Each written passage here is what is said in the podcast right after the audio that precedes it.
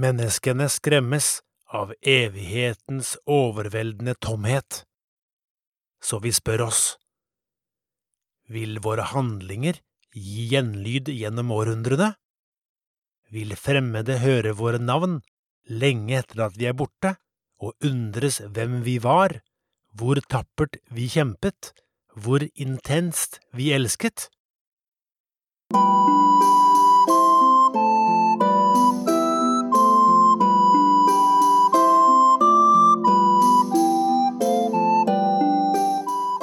Velkommen til Helter og legender fra antikken, en podkast for unge. Episode 17 Trojanerkrigen, del to av tre. I forrige episode hørte vi om tre gudinner som kranglet om et gulleple, og at prins Paris av Troja avgjorde krangelen ved å kåre Afrodite til den skjønneste av dem. Og prinsens belønning var at den vakreste kvinnen på jorden, Helena skulle bli hans. Problemet er at Helena allerede er gift, og det med den krigerske kong Menelaos av Sparta. Men eh, Paris skal ha henne uansett. Han tenker ikke over hvilken risiko han utsetter seg selv og sin egen by for. Under dekke av et vennskapsbesøk til Sparta møter han Helena, det er kjærlighet ved første blikk, og snart er de i all hemmelighet på vei til Troja. Når kong Menelaos oppdager at kona har rømt med den trojanske prinsen, blir han fra seg av raseri. Han føler seg grundig ydmyket. Han tok imot trojanerne med åpne armer og gjorde stor ære på dem. Gjennom mange dager har de spist og drukket ved hans bord. Og så gjengjelder de gjestfriheten ved å stjele kona hans. Det hele er uvirkelig og utilgivelig. Menelaos sverger at han skal få henne tilbake, og hvis hun ikke leveres tilbake, er det bare én ting å gjøre – knuse Troja og alle som bor der. Kongen har mektige venner over hele Hellas. Han sender ut budbringere til andre konger og høvdinger for å be om hjelp til å samle den største krigsmakten verden har sett. Broren hans, kong Agamemnon, den mektigste av de greske kongene, sier ja til å hjelpe. Det strømmer til av soldater og krigsskip fra hele landet. Snart har de over tusen skip og over 100 000 soldater. Det er båter og seil så langt øyet kan se. Kong Agamemnon er øverstkommanderende. Blant de greske styrkene finner vi Odyssevs, kongen av Itaka, og Akilles, den tøffeste av alle krigere. Akilles er lederen for myrmidonerne, et legendarisk folk kjent for sin dyktighet i krig. Men aller dyktigst er Akilles. Med sverdet kan han slå ut den farligste motstander. Han er også egenrådig, han lar seg ikke kontrollere av andre, selv ikke av konger. Med Akilles på laget føler Agamemnon og Menelaos at de har gode muligheter til å vinne tilbake Helena.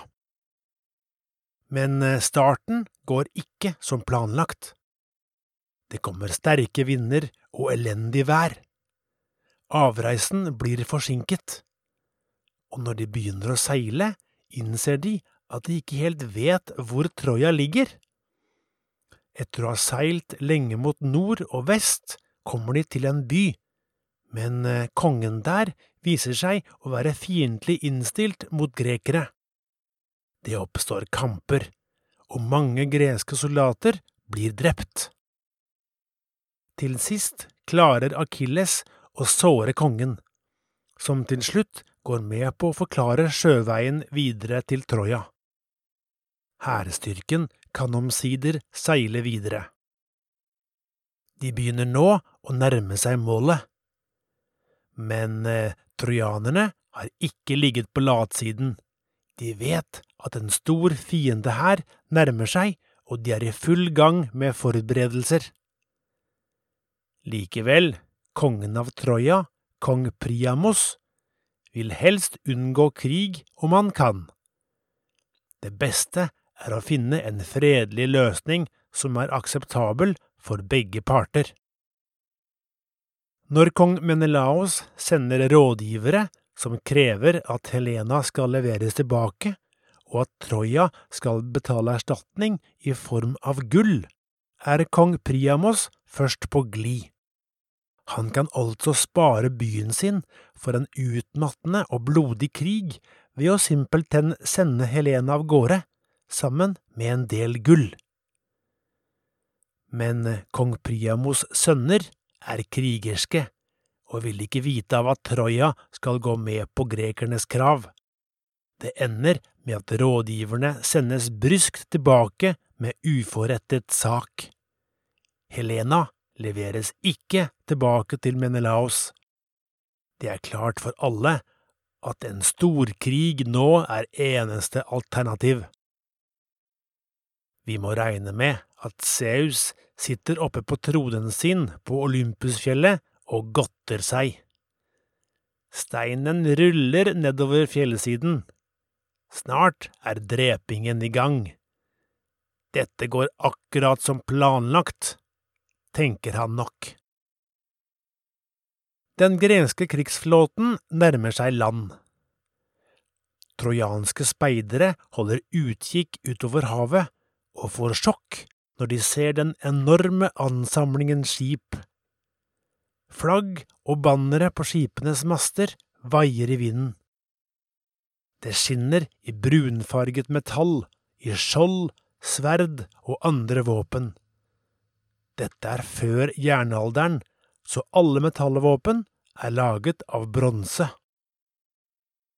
Om bord på skipene kan de trojanske speiderne skimte greske soldater kledd i rustninger og krigshjelmer, klare til kamp. De blir engstelige av det overveldende synet, for det er ingen tvil om at grekerne er flere enn de noensinne kunne forestille seg. Stemningen blant grekerne, derimot, er god. Etter en lang seilas nærmer de seg endelig Troja. Snart skal de få prøve seg i kamp. Men eh, når de nærmer seg bredden, oppstår et problem. Et berømt orakel har nemlig sagt at den første krigeren som setter sin fot på land, blir den som først mister livet. Riktignok er soldatene klare for strid, men ingen av dem er særlig lystne på å bli den første til å møte Hades i dødsriket. En av de slueste grekerne, Odyssevs, får en idé. Han kaster skjoldet sitt ned på stranda og hopper ned på det, men uten at føttene berører bakken. Samtidig roper han at de skal angripe. En soldat ved navn Protesilaus hopper ivrig etter, trygg på at det ikke blir han som skal dø først, siden Odyssevs allerede står på stranda. En gruppe trojanske soldater, ledet av deres beste kriger, prins Hektor, er klar til kamp. Snart er det første slaget i gang på stranda. Sverd slår mot sverd, soldater stikker og hogger etter hverandre. Hektor får øye på Protesilaus og hogger han ned med sverdet sitt. Grekeren faller død om, og det som oraklet har spådd, blir dermed oppfylt. Det er likevel grekerne som vinner den første dagen. Trojanerne trekker seg tilbake i sikkerhet bak de mektige bymurene. Men stadig flere grekere går i land fra båtene. Den nærmeste tiden angriper og plyndrer de landsbyer og mindre byer i området. Etter hvert slår de leir et stykke unna Trojas bymur. Om kvelden kan engstelige innbyggere se hundrevis av greske leirbål på slettene foran byen. Kanskje er Helena blant dem som står bak muren og titter ut. Kanskje føler hun frykt for hva som vil komme, kanskje føler hun et snev av anger. Det er på grunn av henne at krigen nå har kommet. Men eh, Trojas bymurer er legendariske. De er høye og bygget i massiv stein og alle innganger er stengt med svære porter. Når grekerne angriper, lar forsvarerne det regne med piler og steiner. Når grekerne setter opp stiger for å klatre over muren, skyter trojanere soldatene og dytter stigene vekk. Forsvaret ledes av Hektor, som ikke bare er en formidabel kriger, men også god til å motivere sine soldater og til å planlegge forsvaret. Grekerne forsøker igjen og igjen, men klarer ikke å innta byen. Mange soldater dør, flest på gresk side. Trojanere klarer å få litt mat og andre forsyninger inn i byen. De holder ut. Det går uker og måneder, etter hvert går det flere år. Angriperne forstår at det kan ta evigheter før trojanerne gir opp. Kanskje vil de aldri gi opp. Men inne i Troja begynner livet å bli hardt. Matlagrene minker, de fylles ikke opp raskt nok. Folket begynner å sulte. De er likevel fast bestemt på å holde grekerne unna. På et visst punkt, for å unngå at krigen skal trekke ut enda mer, blir de to sidene enige om at Paris skal møte kong Menelaos i tvekamp foran bymuren. Håpet er at et direkte oppgjør mellom de to rivalene kan avgjøre krigen en gang for alle. Paris er bevæpnet til tennene og går med verdige skritt mot grekernes rekker. Han vet nok at både hans egen far, kongen, og hans kjære Helena følger med på avstand. Prinsen har et sverd hengende over skulderen, en kraftig bue og et skarpkvesset spyd i hver hånd en bronserustning og en flott hjelm med busk av hestehår er gjort klar. Men når han får øye på sin fiende, kong Menelaos, blir det så som så med verdigheten. Paris' hjerte begynner å skjelve av redsel, kinnene hans blekner. Skrekkslagen flykter han tilbake til den trojanske siden. Når Hektor ser Paris oppføre seg på dette feige viset, gir han klar beskjed til broren sin. Dette er hva Hektor sier ifølge Iliaden, den berømte boka skrevet av forfatteren Homer. Visst vil grekernes menn nå bryte ut i latter, de som har trodd at en så kjekk mann som du også var en ypperlig kjempe men det finnes jo ikke kraft i ditt sinn eller mot i ditt hjerte. Er du redd for en dyst mot den krigerske helt Menelaos? Du har nå sett hvilken kjempe du har ranet ektefellen fra. Muligens har Hektors forsøk på å stramme opp broren sin en viss effekt. For når tvekampen starter, er det Paris som angriper først. Han slynger spydet av all kraft, men det treffer Menelaos skjold, som forblir like helt.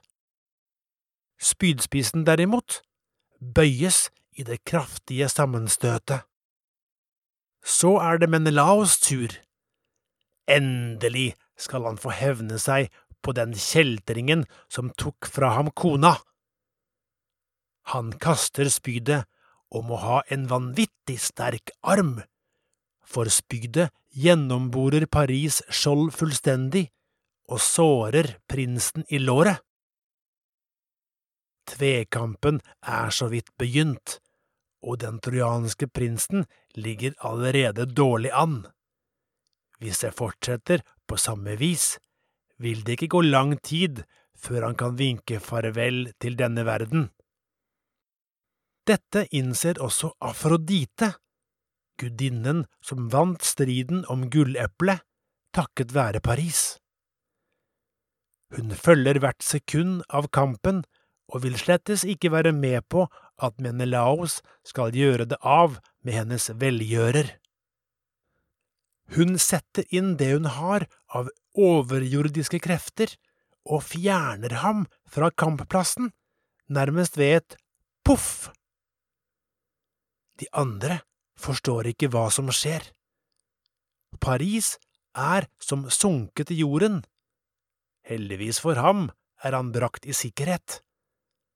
Han er nok flinkere til å flørte med damene enn til å bruke sverdet. Tvekampen må avlyses. Det er klart for alle at krigen mellom grekerne og Troja nå vil fortsette for fullt. Stadig nye slag utkjempes. Blant de greske krigere er Akilles uovertruffen. Han dreper mange trojanere. Alle grekere ser opp til ham. Men eh, årene går. Det er nå ni år siden de gikk i land. Ennå er ikke Troja erobret. Og så oppstår det et alvorlig problem i den greske leiren. Det finner sted en voldsom krangel mellom kong Agamemnon og Akilles.